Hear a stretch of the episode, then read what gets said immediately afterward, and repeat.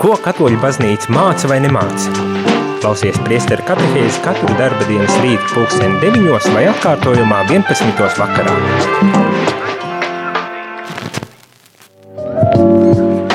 Labrīt, rādījumā arī Latvija klausītāji. Šodien ir piekdiena, 26. maija, divas dienas pirms vasaras svētkiem tādiem skaistiem, īpašiem svētkiem baznīcā, un tu klausies priestera katehēzi, un šorīt ar tevi studijā esmu es Aija Avotiņa, kā sarunu vedēja, bet uh, galvenais cilvēks, par ko es priecājos, kad bija iespēja pie mums šeit atnākt un uh, būt ar savu klātbūtni šeit ar radio, ir Laila Balode. Labrīt. Labrīt, un uh, jūs strādājat centrā Dardedz.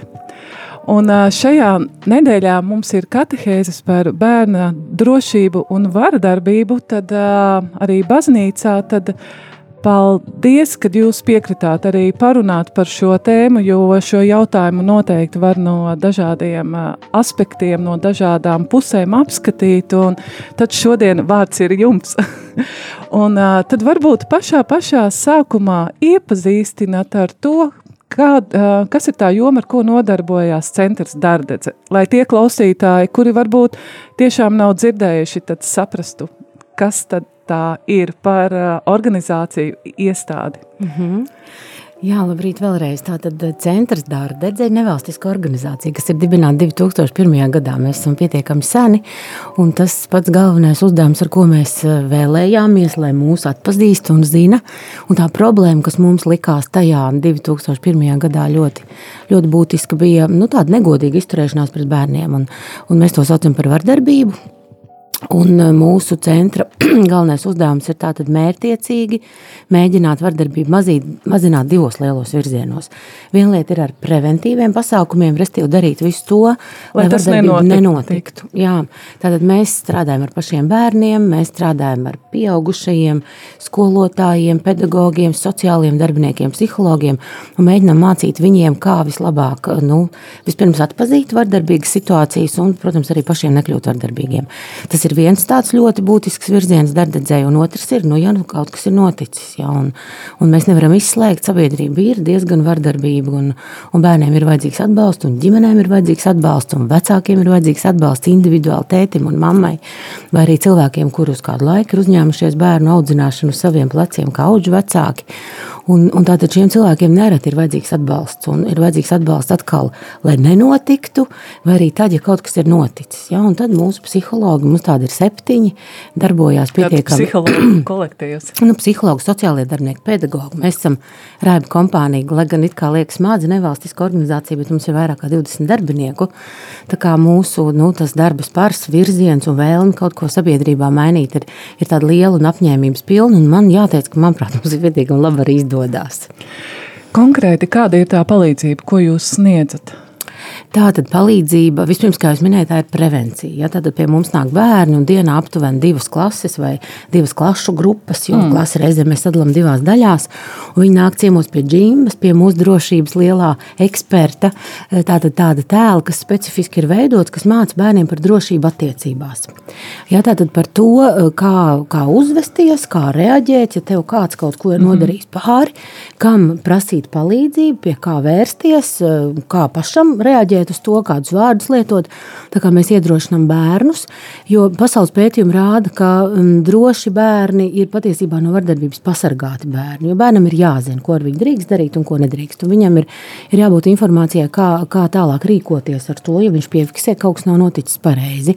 Tad tas ir viens virziens, un otrs virziens, un tās ir konsultācijas. Tās ir konsultācijas, kur nāk pie mums, uh, pie mūsu speciālistiem, pie sociālajiem darbiniekiem, pie psihologiem, pie, pie pedagogiem, ģimenes, kurām ir kādas grūtības grūtības, un mēs ar viņiem runājam, mēs mēģinām šīs situācijas atrisināt.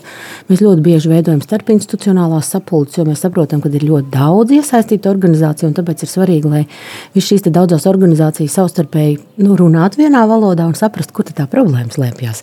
Jo nereti ir tā, ka nu, ir, mēs jau skatāmies to problēmu katrs no savas puses, un vienam liekas, ka bērns slikti uzvedās, mm -hmm. vienam liekas, ka skolotājs nav pareizais, citam liekas, ka vecāki visi ir galīgi salaiduši dēlī. Bet, bet patiesībā Taisnība jau ir kaut kur pa vidu, jo mums visiem ir jāsņemās rokās un jāsaprot, ka, ja mēs gribam, lai mūsu nākamā paudze būtu sakarīgi, vērtīgi, gudri, par sevi spējīgi pastāvēt, jauni cilvēki, tad mums ir jāsāk ieguldīt jau bērnos. Ja? Un atkal bērni jau mācās dzīvi no mums, ja? no mums, pieaugušajiem, neatkarīgi kādas lomas mēs ieņemam. Tas nozīmē, ka mums ir jābūt pietiekami, pietiekami gudriem demonstrēt pareizās attieksmes un pareizo uzvedību. Bērnu aizsardzības diena, ja nemaldos, ir 1. jūnijas. Vismaz manā bērnībā tā bija, un tos vienmēr sauc par tādiem bērnu svētkiem. Un, bet kas tad ir šī bērnu aizsardzība? Kādēļ, jā, kādēļ tā ir vajadzīga? Kādēļ par to ir jārunā? Nu, pirmkārt, jau tāpēc, ka bērni ir mūsu nākotne, lai arī cik banāli tas neizklausās. Mums ir jāspēj šie bērni uh, pasargāt no visām tām likstām, kas eventuāli viņas dzīvē nākotnē var, var sagaidīt. Tad pirmais tā ir runāšana. Ja? runāšana jā, jā viennozīmīgi tā ir runāšana, bet atkal ar bērniem ir jāprot runāt. Ja? Mums ir jāsaprot, kādu informāciju mēs viņiem sniedzam, kādā vecumā mēs šo informāciju sniedzam. Un te neapšaubām, mēs, nu, it kā tās bērnu tiesības ir diezgan, nu, diezgan um, tāda sarkana lupata, ja mēs drīkstam šo vārdu lietot. Ja? Viņi diezgan kaitina pieaugušos, jo nereti mēs dzirdam šo skaistos uh, saukli par to, ka bērni bērniem jau ir tiesības, bet galīgi nemaz nav pienākumi, tad tas arī noteikti saistās ar bērnu aizsardzību un bērnu tiesību aizsardzību. Jo kas ir tas lielais paradoks, ka bērnam ir tiesības zināt savus pienākumus. Jā, un mums, kā pieaugušajiem, tā ir tā atkal mūsu liela atbildība iemācīt bērniem tos pienākumus, iemācīt cienīt vecākus, iemācīt cienīt pieaugušos, iemācīt būt taisnīgiem, iemācīt būt godīgiem, iemācīt nerunāt nu, lietas, kuras nav notikušas, nemelot. Tātad, jā. Tātad viss šīs lietas mums, kā pieaugušiem bērnam, ir arī jāiemāca. Man šķiet, ka mums sabiedrībā bieži vien ir šis vārds bērnu tiesības, bet bieži vien aizslīd garām arī šis jēdziens bērnu pienākumi. Jā, bet jautājums, kam viņš aizslīd garām? Viņš jau mums pašiem aizslīd, pieaugušiem jā. garām. Un tad mēs ar pārmetumu lūkojamies uz bērniem, nu, kā viņi nezina tos savus pienākumus. Bet viņiem šos pienākumus varam iemācīt tikai mēs, mēs paši. Un kas ir interesanti ar savu piemēru, ja nevis, ka mēs nosēdināsim viņus teikt, lielā auditorijā un sāksim viņiem lasīt lekciju par to, Jā. ko var un ko nevar. Bet patiesībā mums ar savu uzvedību ir jādemonstrē, ko var un ko nevar, kas ir atbalstām uzvedība, kas ir labas un, un, un atbalstāmas attiecības, un, un attiecīgi tādas, kādas attiecības nav atbalstāmas, tādas nebūs jāpraktizē savstarpēji mums arī pieaugušajiem. Jūs teicāt, ka pie jums nāk šīs bērnu klašu grupas. Ja? Kā viņi uh, uztver jūsu stāstīto? To izglītošanu, vai ir kāda atgriezeniskā saite no viņiem? Jā, protams, mēs, mēs eh, esam pietiekami pie. Mēs balstītu organizāciju un skaidrs, mēs kādu programmu attīstām. Mēs laiku pa laikam mēģinām nomērīt, vai, vai šai, šai programmai ir kāds efekts. Ja? Un, un, un skaidrs, ka mēs redzam, ka efekts ir, un, un mums ir bijuši pētījumi, mums ir bijuši fokus grupas ar bērniem, kur mēs spējam saprast un nomērīt, ka tā informācija, ko mēs bērniem dodam, ka tā informācija patiešām krīt auglīgi augstu augsnē. Ja, ka bērni spēj izprast lietas, viņi, viņi dažkārt tās labāk saprot nekā mēs pieaugušie. Un, un, un, protams, viena lieta, kas acīm redzot visiem ir jāsaprot, jo dažkārt ar diezgan lielām aizdomām, lūkojot uz darbības programmām, nezinot to saturu, liekas, nu, ko tur tam bērnam stāsta. Ja? Vai tur nestāst kaut ko par seksualitāti, vai tur netiek pārkāptas kādas, kādas robežas, tad mēs mēģinām visu šo informāciju ietērpt pietiekami tādos vispārīgos un pieklājīgos vārdos. Ja? Mēs, mēs nelietojam lietas vai, vai jēdzienus, kas bērnam nav skaidri un saprotami. Mēs runājam par drošību attiecībās, par to, kā mums citam cits ir jāciena, kā mums ir jāciena tas, ko mēs sakām, tas, ko mēs dzirdam, tas, kā mēs klausāmies. Mums ir jāciena arī otra ķermenis. Ja, tad mums ir jābūt nu, pietiekami labestīgiem visādā jomā un visādā ziņā. Un tāpat mums ir jāzina, ko mums drīkst darīt un ko nedrīkst darīt. Tā kā, nu, atbildot uz jautājumu, bērniem patiešām patīk, jo tā programma ir veidota tādā veidā, ka viņi ļoti rotaļīga. Ja, bērni tajā visā iesaistot nepiespiestā, nav lekcija. Tas ir, tas ir brīnišķīgs ceļojums, piedzīvojums, ciemošanās pie pie mūsu šī džimbas, ja, pie, pie šī te, uh, drošības uh, eksperta, un, un, un tā ir saruna ar viņu, un bērni ļoti labprāt tajā piedalās. Tās ir pietiekami īsas nodarbības, ja tur ir nu, nu, kā mācību stunda, mēs saprotam, ka bērni iespēja koncentrēt uzmanību un uztvert informāciju pietiekami ierobežot, ja, un mēs visu to ņemam vērā. Līdz ar to tas rezultāts arī ir nu, pietiekami labs. Atgriežoties pie sākumā par bērnu aizsardzību, runājot, kas ir tie galvenie pamatprincipi? Nu, ja godīgi, tad Tās galvenais- galvenās, uh, tie pamatprincipi, vadlīnijas. Jā, bet ja mēs nu, domājam vispārīgi un absolūti vienkāršā valodā, neiedziļinoties konvencijā, jums, protams, ir milzīgi daudz dažādu papīru un Un, un man dokumentu. teikt, kā to visu atcerēties, un uh, vai tur nav jākļūst. Nu, es nezinu, vai šeit ir vietā lietot vārdu par burtu kalpu, jā, bet kā tas viss?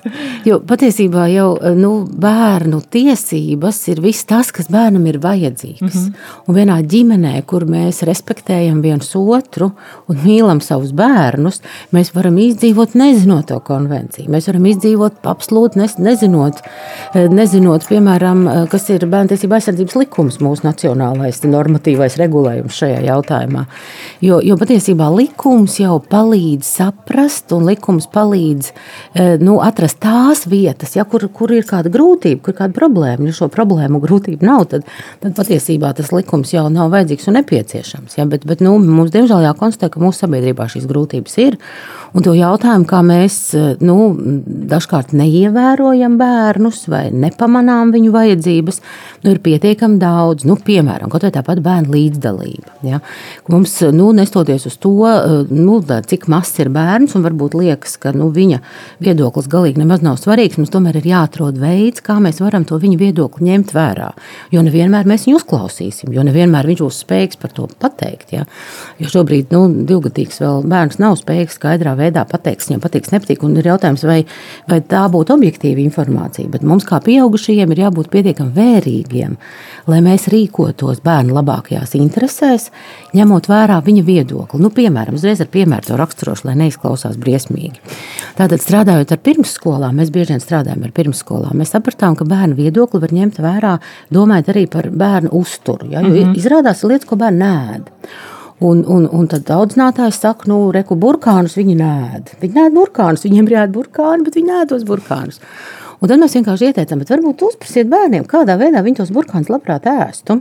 Un izrādās, ka bērniem nepatīk tad, kad burkāni ir sarīvēti, bet tad, ja viņi parasti ir nomizoti un vienkārši viņam iedod viņu un ļauj viņam viņu graust, jā, tad viņš aiziet absolūti tāds tā teikt, vienkāršs problēma, tāds nu, vienkārši problēmas risinājums. Tieši tā, tieši tā, uzprasām pašiem bērniem, vai novērojam, jo nevienmēr, kā es minēju, viņi mums skaidri un gaiši var pateikt, bet pavērojam, ko viņi ēd, ko viņi ēd, kas viņiem patīk, kas nepatīk. Jo skaidrs, ka viņiem dārziņi ir jāēd, svaigi dārziņi, tas ir veselīgi, tad mums ir jāatrod veids, kā panākt, lai viņš to dārziņu ēd. Mēs varam uztaisīt skandālu un strīdēties un neļaut bērnam iet prom no galda, kamēr viņš nav tos sarīvētos apēdis, ja? bet mums ir sabojāts attiecības, bērnam visu mūžu nelabums pret, pret burkāniem, ja? un, un pēc tam viņš visu mūžu atcerās traumatisko pieredzi, kā viņam tā audzinātājs piedēst. Bet mēs varam vienkārši nomizot tos burkānus, izdalīt viņiem tādus, kādi tie ir, ļaut viņiem tos burkānus braukt, un visi būs laimīgi. Ja viņš pateiks, negribu, nu, mēs meklējam citus risinājumus. jā. dodam, nu, meklējam citus Jā, dārziņus. tā jau ir tā lieta, ka mums kā pieaugušiem nu, īstenībā būtu jābūt arī ļoti radošiem. Ja? Un te atkal dažkārt jau pieaugušam liekas, nu kā tad es tagad, nu es esmu pieaugušais. Bērnam ir jāpakļaujas man, viņam jādara tas, ko es vēlos, ja es saku, un tā ir jābūt. Ir situācijas, kur neapšaubām šis princips darbojās. Ja? Bet ir situācijas, kur mēs varam palikt elastīgāki. Un droši vien ēšana ir tas moments, kur mēs drīkstam palikt elastīgāki. Ja? Tagad te mums nu, vienkārši jābūt pietiekami radošiem, jābūt pietiekami atvērtiem, un faktiski ļoti lielu tādu cieņu un mīlestību jātiecās arī pret bērnu. Tad, tad um, es mēģināšu priekš sevis uh, definēt, tad uh, viens no pamatprincipiem ir uzturs, vai ne? Bērnam nodrošināt uzturu, jumtu virs galvas, vai ne? Tādus, uh, nu, kā lai pasaka, pieklājīgus sadzīves apstākļus, jā, Jā, apģērbs, jā. izglītība un uh, droši vien Un tad ir viena ļoti svarīga lieta - emocionālā labklājība. Kā mēs pret bērnu izturamies, mēs, vai mēs, vai mēs dzirdam, ko viņš saka, vai mēs ar viņu miedarbojamies, vai mēs veidojam ar viņu sarunu, vai mēs vienkārši kā pieauguši izsakām pavēles un sagaidām, ka tās bez ierunām tiks tā teikt, pildītas. Ja? Tātad komunikācijas veids, kā mēs emocionāli izjūtam savu bērnu, kā mēs atsaucamies viņu vajadzībām, kā mēs viņam arī pasakām, nē, tas arī ir ļoti svarīgi. Jo dažkārt liekas, ka nu, jā, tāda emocionāla labklājība ir tas, ka mēs darām to, ko bērns grib. Galīgi nemaz tā nav. Jo patiesībā eh, bērns jūtās droši tad, ja viņam ir robežas, viņam ir skaidrība par to, ko var un ko nevar. Tad mums, kā pieaugušiem, tās robežas ir jāuzliek, un tas arī ir viens no bērnu tiesībām - dzīvot drošā vidē. Un drošu vidi rada robežas. Un robežas ir tas, ko viņš drīkst darīt un ko viņš zina, ko viņš darīt nedrīkst. Ja, un, un mums atkal ir jāatrod tas veids, kā bez, bez ļaunuma, bez agresijas, bez liekām dusmām vai varas izmantošanas, mēs ar cieņu un mīlestību varam viņam pateikt, nē, draugiņ, to mēs nedarīsim. Nē, šādas lietas netiek pieļautas. Tā mēs mūsu mājās nerunājam, tā mēs pret brāli vai māsu neizturamies. Ja? Un kaut vai astoņas reizes mēs to sakām, bet mēs panākam, ka bērni maina savu uzvedību. Patiesībā tā ir tāda reāla vecāku nu, vecākam pašam sevi jāaudzina. Jo, piemēram, nu, tu vari atnākt mājā, nogurs no darba. Tev ir sava, varbūt smaga diena aiz muguras, jā?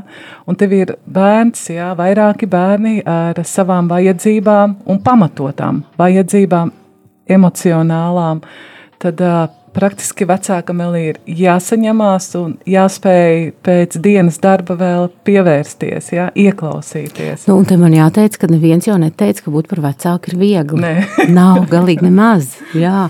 Tas ir milzīgi liels darbs un ārkārtīgi liels izaicinājums. Un tāpēc vecāki ir divi, un tāpēc viņiem viens otrs ir jābalsta. Jā, un, attiecīgi, ja mēs neesam divi kādu apstākļu dēļ, nu, tad mums ir jāveido sev atbalsta tīkls. Jā, mums ir vecvecāki, mums ir krustmāmiņas un, un vecmāmiņas draugus un, un kaimiņi un, un citi radinieki, ja, kuri mums situācijās, ka mēs esam pa īstam nogruši, un tā var būt, jo tādā dzīve šobrīd ir, kur mēs varam dabūt to, to attēlpas mirkli, ja, kur mēs varam to savu bērnu atstāt, vai ar ko mēs varam aprunāties tādās situācijās, un, un nevajadzētu noteikti no tā kautrēties, jo es pilnīgi saprotu, ka šī brīža mūsu dzīves ritms, kurā mēs visi esam iemesti, viņš ļoti daudz enerģijas no mums paprasa. Un, un attiecīgi, bērns jau paprasa tikpat daudz, jo, Jā. jo mammai aiziet mājās, viņai faktiski darbdiena nebeidz nebeidzās. Viņai sākās vienkārši jauna maiņa ar citiem darba uzdevumiem, un, un, un tad nu, ir jāatrod veidi, kā ar to tikt galā. Un neviens nesaka, ka tas ir vienkārši. Tas patiešām nav vienkārši.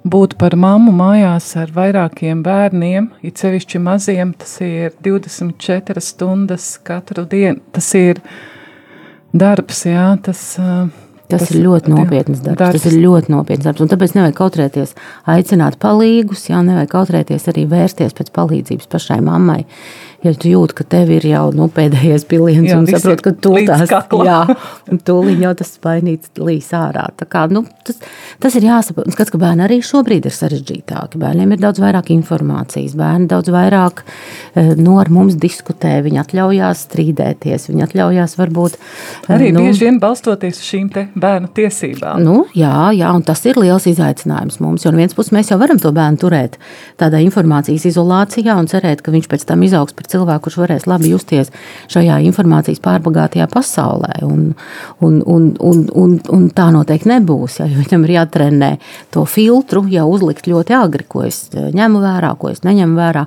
Un skaidrs, ka atkal mums ir visi grūtie vecuma posmi. Tas atkal, kas vecākiem ir jāzina, ka mums ir divu, trīs gadnieku posms, ja kad ir niķu vairāk nekā saprašanas, ka mums ir trakais pusauģu vecums. Ja, un, nu, bet atkal ir labi zināt, ka tas pāriet, ja, ka tas viss pāriet. Mēs visi tam esam gājuši cauri, Un tas ir pārgājis, un tā ir labā ziņa. Rādījumā arī klausītāji, arī tu drīksti uzrakstīt un uzdot jautājumu Lailai Balodei. Jūs esat valdes uh, locekle. Jā, mm -hmm. dardze, uh, dardze, jūs esat nevalstiska organizācija. Mm -hmm. Tad tālruņa numurs ir 266 77 272, un šodien mēs runājām par, bēr, runājam par bērnu drošību un aizsardzību un arī par vardarbību pret bērnu. Ja tev ir kāds jautājums, tad droši raksti mums. Bet mēs tagad iesim nelielā muzikālā pauzītē un pēc tam atgriezīsimies. Thank you.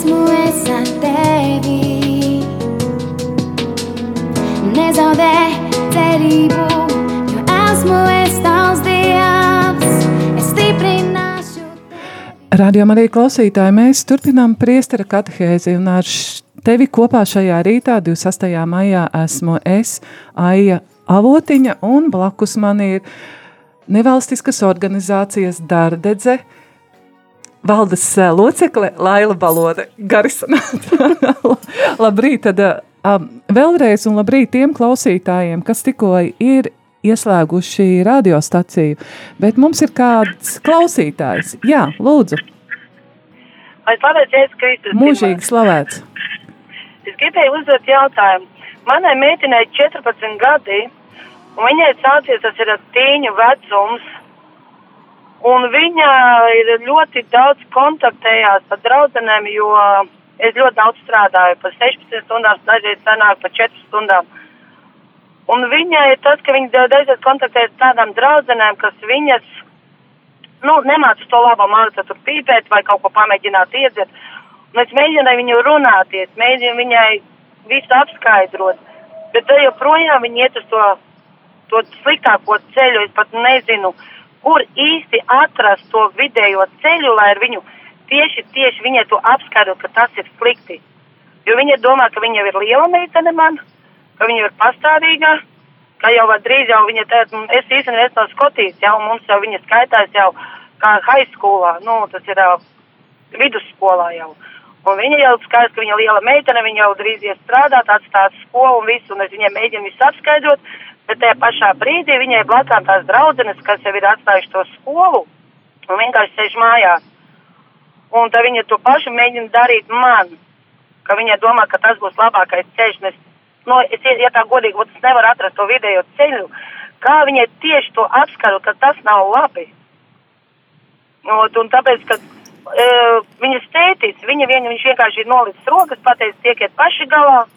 Un tie, man tas ir ļoti grūti pēc darba censties ar viņu vēl runāties, atrast vidē ceļu, lai viņu nebļautu uz viņu visu, tas bļaušana tas neko nepalīdzēs. Un tāpēc domāju, varbūt jums ir kādas idejas, ko varētu jūs man ieteikt, kā labāk atrast to vidē ceļu pie viņas piet klāt. Jo es visur, kur cenšos viņu braukt, es kuras ies darba, kad brīvdiena, vai mēs tā brauksim zvejot, vai uz jūru braucam staigāties, kaut ko mēģinu, bet tāpat tām tās draudzenes visas vienkārši apkārt viņai ir tik daudz, ka, nu, es viena pati, nu, nevaru neko.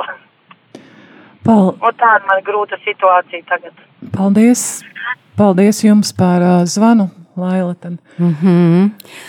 Nu jā, šis ir mm, klasiska lieta, faktiski, ja klasiska lieta, jo pusauģi mēs zinām, viņiem eh, nu, tā tas, eh, diemžēl, ir iekārtots tīri fizioloģiski, viņiem ir uz risku vērsta uzvedība. Ja? Viņi vēlas darīt kaut ko, ko līdz šim nav ļauts bijis darīt, kaut ko, kas ir riskants, kaut ko, kas ir tāds nu, izaicinošs.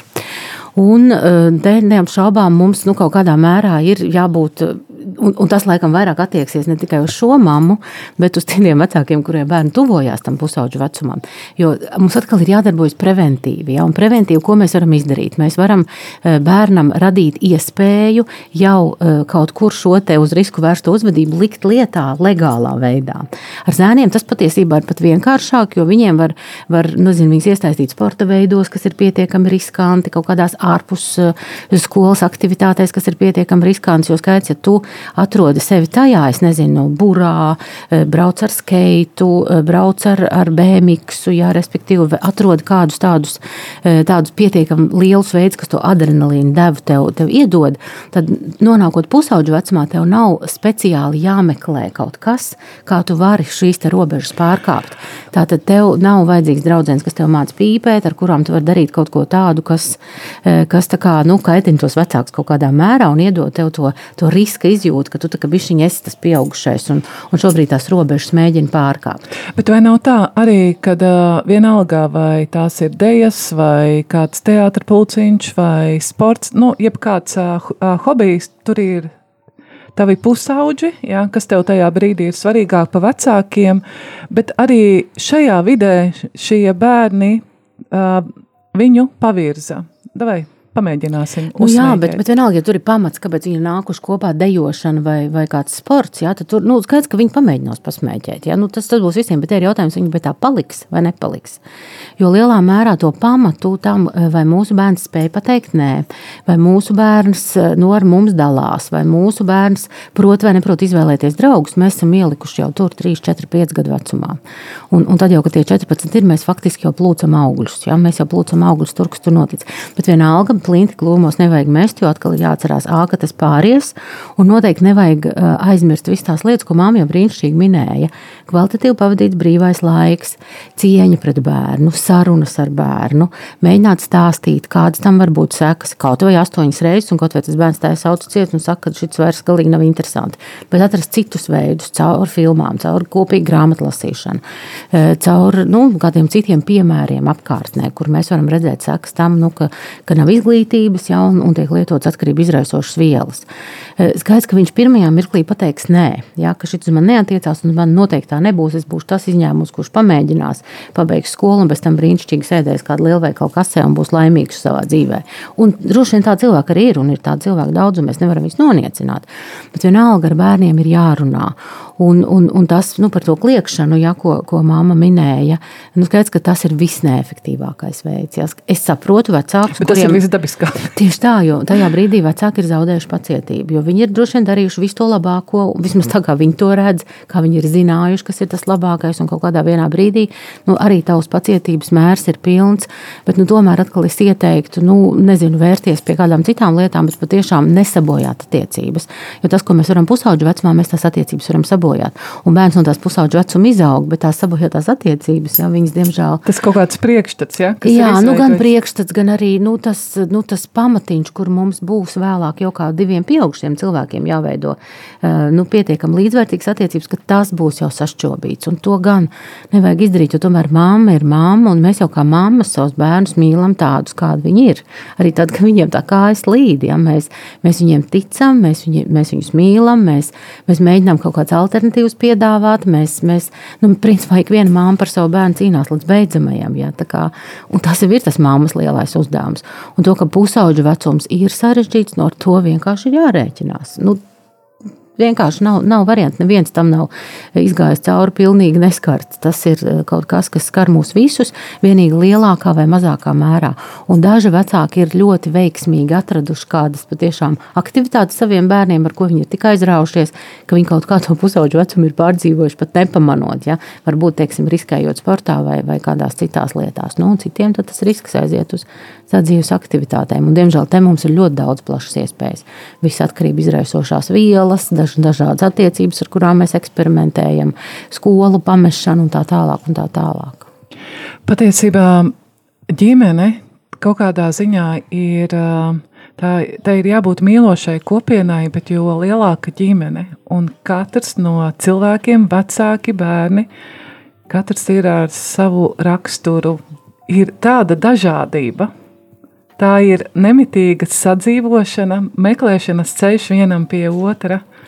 Un, un tas ir lielais izaicinājums, jo patiešām temperaments, nu kāds ir temperaments, tāda bioloģiski nosacīta lieta, tā jau var iedzimt arī no tās vecmāmiņas trešajā pakāpē, kas mums likās galīgi traka.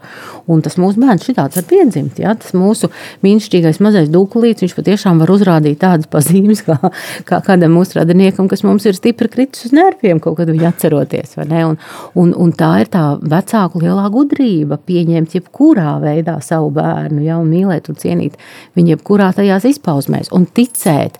Jo bērni jau mācās dzīvi no mums. Jā, viņi ļoti lielā mērā caur kopēšanu, caur atdarināšanu, viņi iemācās dažādus uzvedības modeļus. Tātad mums visu laiku ir jābūt tajā normālībā. Jā, tātad pat tad, ja ļoti gribās kliegt, nu, labāk tomēr nesākt, jo nu, kā tas ir, ja es to bērnu kliekšu, visticamāk tas bērns klieks man pretī, tīpaši pusaudzes vecumā. Nu, tad ir jautājums, cik tālu mēs aiziesim. Jā, tad mums ir jābūt vienmēr tiem, kas, kas to, to, to mūsu ģimenes normālību notur. Vai arī tad, ja mēs esam no tiem rāmjiem izgājuši. Un tā arī gadās. Man pašai meitai ir bijusi pusauģa vecumā. Es visus tos laikus atceros pilnīgi sirmiem matiem, atceroties jau sirmoju. Ja? Bet, bet vienmēr sakot, nu, par to pēc tam arī vienmēr var runāt. Ja? Mums ir notikusi šī izlāde darbībā, nezinu, varbūt kaut kas ir lidojis un, un skarbi vārdi ir tikuši pasakīti. Bet tad noteikti ir jāatrod brīdis, kad mēs varam to pārunāt. Un es varu pateikt, kā māma klausies, tu man biji drausmīgi sakaitinājis, jo tas, kā tu uzvedies, nebija forši. Un man interesē, kā tu jūties un tomēr atrast to, to izlīdzinājumu. Jā, tad būt, nu, vienmēr sakot, mums kā vecākiem ir jābūt drosmīgiem, spērt to soli, uzklausīt, saprast, bet tāpat laikā nepārtraukti būt ar to, to pareizo piemēru. Un man gribās teikt, ticēt, kad uh, es ar uh, savu piemēru uh, ticēju tam, ka tas mans piemērs palīdzēs bērnam pēc tam izturēties labāk pret citiem bērniem. Un tas arī palīdzēs simtprocentīgi palīdzēs. Jo bērni patiešām Noticēt, mācās ka no tas mums. labais piemērs tiešām strādā. Jā, es, es šeit runāju par labo, ja, tādu mm -hmm. piemēru. Ja es tieši nekliekšu, tad mans bērns varbūt arī, nu, neklieks pret uh, saviem klasbiedriem. Jā. Ja es viņam nesatīšu, tad viņš arī savam klasbiedram nesatīs. Precīzi. Labi, šeit var iet tālāk, ko darīt, ja sit pretī, ja, bet tas, tas pats pirmais. Labi, mums ir kāds klausītājs zvana. Jā, Lai slavēts Jēzus mūžīgi mūžos slavēts. Raimunds piezvanīja no Jūrmos. Priecājos. Es, jā, es dzirdēju, es dzirdēju to mamīti un, un man ir mazliet skumji, ka, nu, tētis neiesaistās. Jo meitām ir ļoti, ļoti svarīgi, lai, lai tēvs būtu kā atbalsts, un, jo tēvs ir pirmais vīrieša tāds vispār, nu, kā, kā, kā meitenēm ir ļoti svarīgi tāds vīrieša tēvs. It sevišķi, ja, viņš, ja tas ir po pozitīvs, uh, nu, jā, viņām ir svarīgi, jo, un te ir atkal tāda viena, viena svarīga lieta, kad mamīte ilgi strādā, ļoti ilgas stundas, un, bet tā, tās, tā, tā, tās meitas draudzenes, tām jau laikā liku likām, un, un tāpēc, jā, viņai, viņai to labo piemēru un to, un to visu, ko viņa cenšas, protams, lai Dievs palīdz. Uh, Es tikai varētu ieteikt, lai viņa pamēģina kļūt par draudzeni savai meitai, jo, ja viņa uh, kaut kā atradīs tādu, tādu pieeju, ka meita uzticēsies un stāstīs savus noslēpumus savai mammai, tas būtu vispār pats ideālākais variants, bet, nu, tas nav nemaz tik viegli, jo pusauģiem, kā saka, šajā vecumā autoritāte ir viņu vienaudži vai kaut kāda, nu, vai, nu, jā, viņi grib parā, parādīties, izrādīties un varbūt tās kaut ko riskantāku uzsākt, kas kādreiz nav ļauts, hormoni arī tur augstu vilni sit, nu, nu, tādā veidā. Es atceros savā, savā laikā, tad, kad nu, man bija divas auģumeitas, nu, jā, tur bija interesanti, bet uh, kliekšana, kaut kāda strostēšana, tas ir pilnīgi garām. Uh, jā, var ievilkt telpu, nomierināties, un tad, kad bērns pienāk pats klāt, uh, nebūt ļoti aizņemtam, bet redzēt to mirkli, kad viņš, kad viņš ir gatavs uh, runāt, kad viņš ir gatavs kaut ko pastāstīt, nepalaist to mirklīti garām, tas ir ļoti, ļoti svarīgi, jo tad viņš pats ir atvērties un ir gatavs runāt. Mēs kā pieaugušie bieži esam savās nopietnējās lietās tik aizņemti, ka šo mirkli palaižam garām. Mm, un attiecībā vispār par vardarbību un par tādu uzspiešanu, jā, mums nāk, kā saka, bagāža arī no vecākiem. Mana mammīte bija ļoti autoritatīvs cilvēks, un man daudz ko personīgi, man daudz ko vienkārši lika tā vajag. Un uh, es savā dzīvē izvēlējos uh, tādu variantu, ka tomēr uzklausīt un sadzirdēt, ko tas bērns vēlas. Protams, ne viss, ko viņš vēlas, ir labs, bet tas ir ļoti svarīgi sadzirdēt, ko viņš vēlas. Nu, es uh, novēlu visiem, protams, ļoti, ļoti, ļoti daudz pacietības un arī tomēr to laiku pēc iespējas tam bērnam veltīt, saredzēt, kas viņu interesē, saredzēt, um, uz kuru pusi un, un, un kādas intereses un, un kur varbūt tās ne, ne tas pozitīvākais piemērs un tiešām to laiku veltīt. Jā, uh, lai veicās un paldies jums par brīnišķīgo, uh, kā saka, šo tematu, jo tas ir, nu, tas ir ļoti aktuāls. Paldies jums! Paldies, uh, Raimond, par uh, tavu komentāru. Manuprāt, visam simtprocentīgi var piekrist, jo tēva loma, kas tika šeit akcentēta, ir ļoti svarīga.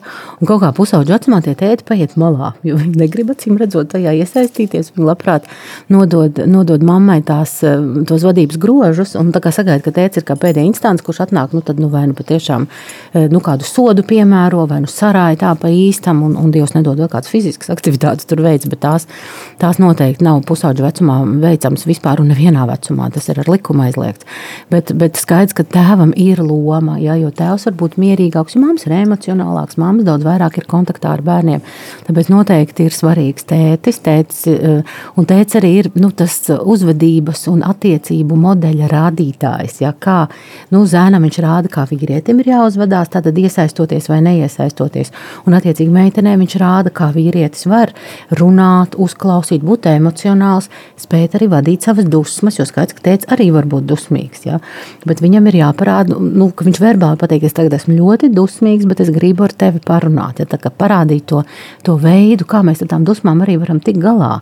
Kad vienmēr, tad, kad ir dusmas, ir jāiet un jācer durvis un, un jākliedz. Ja? Bet mēs varam verbāli pateikt, ka es šobrīd esmu dusmīgs par to, ka notika tas un tas, bet es ar tevi vēlos par to runāt. Un tas ir tas, ko, ko Raimons sacīja, tātad laiks un pacietība laiks un pacietība. Un vēl divas lietas, ko mēs par darbdevējiem vecākiem sakām - stingrība un mīlestība. Ja tā kā mēģināt šīs ļoti dažādas lietas salīdzvarot un tādā harmoniskā līdzsvarā nepārtraukt nest līdzi, ka tu esi gan stingrs pret savu bērnu, tad tev ir zināmas konsekvences prasības, ko mēs darām, ko mēs nedarām, ko mēs pieļaujam, ko mēs nepieļaujam. To mēs saucam par audzināšanu. Jā, un cauri un pāri tam visam ir tā mīlestība. Bet nedrīkst neviens ne otrs būt pa daudz. Jā, tas arī ir ļoti svarīgi. Jo mums tā tad ir, mēs nedrīkstam būt pārāk stingri, jo tas ir terors. Un mēs nedrīkstam dīvaini, bet būt arī pārāk visatļaujoši un mīloši. Jo tad mums bērns sakāpj uz galvas. Ja? Un, un visu laiku ir jābūt tajā līdzsvarā. Tātad mēs esam stingri ar mīlestību, mīļi ar stingrību. Ja? Visu laiku tādā. Mana Raimonda komentārs teiktais atsauca atmiņā, ko es nedaudz klausījos kādu sarunu pavisam nesen, un kur teica, ka ar mazu bērnu ir jārunā, lai ar viņu runātu pietupies, lai būtu šis acu kontakts, nevis tā, ka tu esi augšā un bērns ir lejā, bet lai būtu šis acu kontakts. Un arī piekrītu, ko Raimons teica par šo draudzību. Jā, tas runātājs bija kāds psihologs, kurš teica, centies kļūt savam bērnam par draugu. Jā, lai varētu, lai būtu pēc tam arī šīs attiecības tālāk. Jā. Mm -hmm. Tad, vai, nu tad atgriežoties pie bērnu aizsardzības, vai tiešām pietiek ar šiem ar šīm vadlīnijām, jā, ko mums nosaka. Ja? Klausoties tevī, man tad pat gandrīz radās jautājums, gandrīz, kad nu, vecāki dodas uz dzemdībām vai pat skolā, gandrīz vai ir jaunieši jāiepazīstina ar tām lietām, kad viņi kļūst par vecākiem, kas viņiem savam nu, bērnam ir jānodrošina. Jā. Nu, tas ir jā, no nevis tad, kad tas bērniņš ir nepieteicies, bet tad, kad jā. tu, jā. Nu, tīri teorija, protams, mēs varam mācīt Kā veidot agri. šo sabiedrību? Jā. Nu, Visīstenībā pareizais veidošanas modelis ir tas, ka mājā viss jau notiek pareizi un augot un veidojoties vienam jaunam cilvēkam, kurš nākotnē kļūst par nākotnes vecāku, ka viņš tur ierauga tās pareizās attieksmes un, un uzvedības, ka viņš jau tur to iemācās, ka viņam nav jāiet ne kursos, nekur viņš vienkārši atcerēsies, ah, mana mamma un mans tēvs šādā situācijā rīkojās tādā veidā, un es vienkārši to pārņemu. Jo es to esmu piedzīvojis, es saprotu, ka tas darbojās, un es, es darbojos līdzīgi. Bet es pilnīgi piekrītu, ka mums ir noticis kaut kāds pārāvums, ja, ka eh, nu, kaut kur pagājušā gadsimta 80. gados, nu, kad visa, visa sistēma mainījās, tad no tās stingrās padomju sistēmas mēs kā iebraucām otrā grāvī un palikām ļoti visatļaujoši attiecībā pret bērniem. Tad nu, sanāca diezgan daudz nepatikšanu, jo visatļautība īstenībā ir, ir tikpat briesmīga kā pārlieku liela stingrība. Ja, un, un, un, un šobrīd mums ir viena tāda paudze, kas īsti neprot bērnus disciplinēt, ja, kas neprot tikt galā ar bērnu uzvedības problēmām. Un tāpēc ir vajadzīgi šie kursi. Varbūt esat dzirdējuši, ir tāda brīnišķīga programma, kas nāk no, no Skandināvijas, nu, tās tūkstošas dienas, pirmās tūkstošas mm. dienas bērnu dzīvē. Ne. Un, un tā ir programma, kur faktiski par mammu sāk rūpēties jau no viņas pirmās grūtniecības dienas, viņa gatavotai mammas lomai. Un, un pirmos, eh, pirmo pusotru, divus eh, nu, šos bērnu dzīvības gadus viņai blakus ir cilvēki, kas var viņu atbalstīt un sniegt viņai pietiekami daudz palīdzību un informāciju un to, kas viņai ir nepieciešams, lai, lai viņa būtu mentāli stabila un droša. Tas arī ir ļoti svarīgi. Jo, nu, protams, ja mēs domājam par sievieti, sievietē piedzemdēt bērniņu, nu, notiek arī zināmas hormonālas izmaiņas. Un, un, un, un tie, tie, tie, reizēm tas pirmais eh, posms ir ārkārtīgi sarežģīts un grūts tīri emocionāli. Tāpēc tajā ir jābūt ļoti lielam atbalstam, jo ja mammai ir grūtības ar mentālo veselību, ja, ja viņa ir depresīva, nomākta, ja viņa ir raudulīga, ja viņa nav izgulējusies, skaidrs, ka viņa nevar būt labs vecāks tam mazulim. Un ja vēl nav tās otras puses, ja, ja vēl mums tētis ir, ir tikai mamuta mājās nesējis, bet galīgi nemaz negrib iesaistīties bērnu audzināšanā, tad tā mamma pilnīgi paliek viena. Un tajā situācijā, diemžēl, viņai ir nu, vajadzīgs atbalsts vairāk nekā jebkad, jo viņa var ļoti daudz ko sliktu bērnam nodarīt, neapzinoties. Tikai tāpēc, ka viņa ir nu, depresijā, piemēram. Ja, ir viņa, tā, kā ir. Jā, nu, ir tā, kā ir, un viņa, viņa nespēja um, atsaukties bērnu vajadzībām. Mēs saprotam, ka piesaistes modelis vispār veidojas pirmajos astoņos bērnu mēnešos. Ja, tas ir ļoti nozīmīgs laiks. Kā liekas, nu, kas tur pabarot, nolikt, apmainīt autiņu biksītes un ielikt bērnu gulēt, bet nē, tas ir ļoti nozīmīgs laiks, kur bērns iemācās ārkārtīgi daudz svarīgas lietas, neapzināti viņas apgūst. Kaut vai par to, vai pasaule ir droša vide, un vai cilvēki, kas tev ir apkārt, ir ieinteresēti tev palīdzēt, ka tu vērsies pēc palīdzības. Un skats, ka bērnu vērsiens pēc palīdzības ir viņa raudiens, jā, ir, ir, ir viņa kliedziens, un, un vai kāds to reaģē vai nē, kā uz to reaģē. Vai uz to reaģē vienaldzīgi, vai uz to reaģē empātiski, vai uz to reaģē dusmīgi, jā, arī tā var būt, ka zīdaiņa mamma ir rājās vai, vai nu, ir absolūti sadusmojusies uz, uz trīs mēnešu vecu bērniņu, kurš raud, jo tas traucē viņas dzīvi, viņas, viņas emocionālo labsajūtu. Jā. Tā tad e, ir ļoti, ļoti svarīgi, ka tādas programmas sabiedrība ir šāda programma. Šobrīd nav. Mēs tikai par to runājam ļoti teorētiski, bet faktiski, ja mēs gribam veselīgu nākamo paudzi, mums īstenībā ir jāsāk rūpēties jau par topošu mammu, par vienu jaunu sievieti, kura, kura ir tā teikt nonākusi mātes cerībās un gaida nākamā pasaulē savu bērniņu. Mums ir palicis diezgan uh, maz laika. Tā, um, Viens uh, jautājums. Man šķiet, ka šis jautājums varētu būt uz mēles daudziem cilvēkiem. Vai nav tā, ka mūsdienās bērniem ir pārāk daudz tiesību? Nu, kā lai saka, nu, tā objektīvi, ja mēs tā nofotografējam to situāciju šobrīd, kā viņi ir, tad tā noteikti varētu likties. Bet tiklīdz mums ir vairāk laika un informācija, lai iedziļinātos visā tajā, tad es noteikti teiktu, ka nē. Ja? Tad visi tie, kur ikdienā strādā vairāk ar bērniem, mēs saprotam, ka tā ir mūsu pieaugušo cilvēku atbildība par to, ka mēs tos pienākumus viņiem neesam pastāstījuši un neesam panākuši, ka viņi tos pienākumus savus arī ikdienā realizē un, un tā teikt, liek lietā. Ja? Tā kā jebkurā situācijā, pat tad, ja ir kādi gadījumi, kur mēs sakam, nu, te nu ir viens bērns, kurš patiešām šobrīd ļoti ļaunprātīgi izmanto tās savas tiesības un, un varbūt nu, uzvedās pilnīgi nepieņemam attiecībā no pieaugušā viedokļa, diemžēl pat šajā situācijā mums ir jāsaka, ka vaina un tieši vaina ir mūsos pieaugušajos. Ja? Tad, tad neviena vecāki bērnu audzina, bet arī bērni vecāku audzina tieši pieprasot konkrētas lietas. Es šeit nerunāju par kaut kādiem nu, vārdiem, ko bērni norāda vecākiem, bet tīri ar savu rīcību. Jā. Viņi liek vecākiem domāt, ko darīt, kā kā rīkoties. Meklēt palīdzību, viņi liek vecākiem, viņi liek vecākiem mainīt savu izturēšanos, viņi liek vecākiem būt elastīgiem, viņi liek vecākiem būt drosmīgiem un draudzīgiem un tā tālāk. Un tālāk. Viņi nepārtraukti mūs māca. Tā ir miedarbība, ja mēs savstarpēji mācāmies. Un laikam šeit man gribētos teikt, īsti nebūs vietā šis teikums, agrāk tā nebija jo sabiedrība mainās, un uh, tas nenozīmē, ka mums ir kaut kādas, uh, ka mēs kaut kādas lietas nevaram pārņemt, bet arī tas, kas notika agrāk, arī ne tas viss bija labi. Ja? Tieši tā. Uh, mums ir uh, kādas, kāda īsa liecība. Manam vīram nav bijis tēva, kas viņu audzina, prakti, praktiski audzināja vecvecāki. Manam jaunākajam dēlam trūks tēva mīlestības un uzmanības. Tagad viņam ir 16 gadi. Dēls ir gatavs iet pie psihologa un runāt par šīm problēmām. Es viņam skaidroju, ka arī tēvs ir cietis un neprot šo mīlestību izrādīt. Tā mums raksta kādi klausītāji. Jā, jo ko es esmu dzirdējusi, kad nu, bērni pieaug un ir šie pārmetumi nu, vecākiem, tu man nedevi to, to, to, un tas ir pamatoti. Ja? Tad tas viens no veidiem, ko aicina saprast, kad arī vecāks nav varējis to iedot, jo viņš vienkārši to nav saņēmis. Un to, protams, var saprast tikai tad, kad bērns jau ir pieraudzis. Bet līdz tam brīdim, kamēr viņš pieaug, ja, līdz kamēr viņš sasniedz šos 16 gadus, viņš jau ir bērns. Viņam ir ļoti grūti saprast, ka tētis, piemēram, pats nav nu, saņēmis to, kas viņam būtu bijis jāsaņem. Un tāpēc īstenībā nu, pareizais risinājums jau būtu tāds, ka vecāks apzinās, ka viņam ir zināms iztrūkums, un viņš mēģina šo iztrūkumu kaut kā labot. Ja mēģina kaut kā nu, darīt, varbūt lietas, ko viņš pats nav piedzīvojis, un tas nav vienkārši, bet tomēr mēģināt būt saviem bērniem labāks tēvs nekā nu, viņš nu, nav. Viņam vai nu ir bijis nepārāk labs tēvs, vai nu šī tēta vispār nav bijis. Un atkal tie ir jāsaprot, ka ir paudze, kur objektīvi to tēvu nebija. Ja? Tātad, nu... Ar šausmām es domāju par to, kas notiek Ukrainā, mm -hmm. kad uh, tik daudz jaunu vīriešu tētu ir gājuši bojā.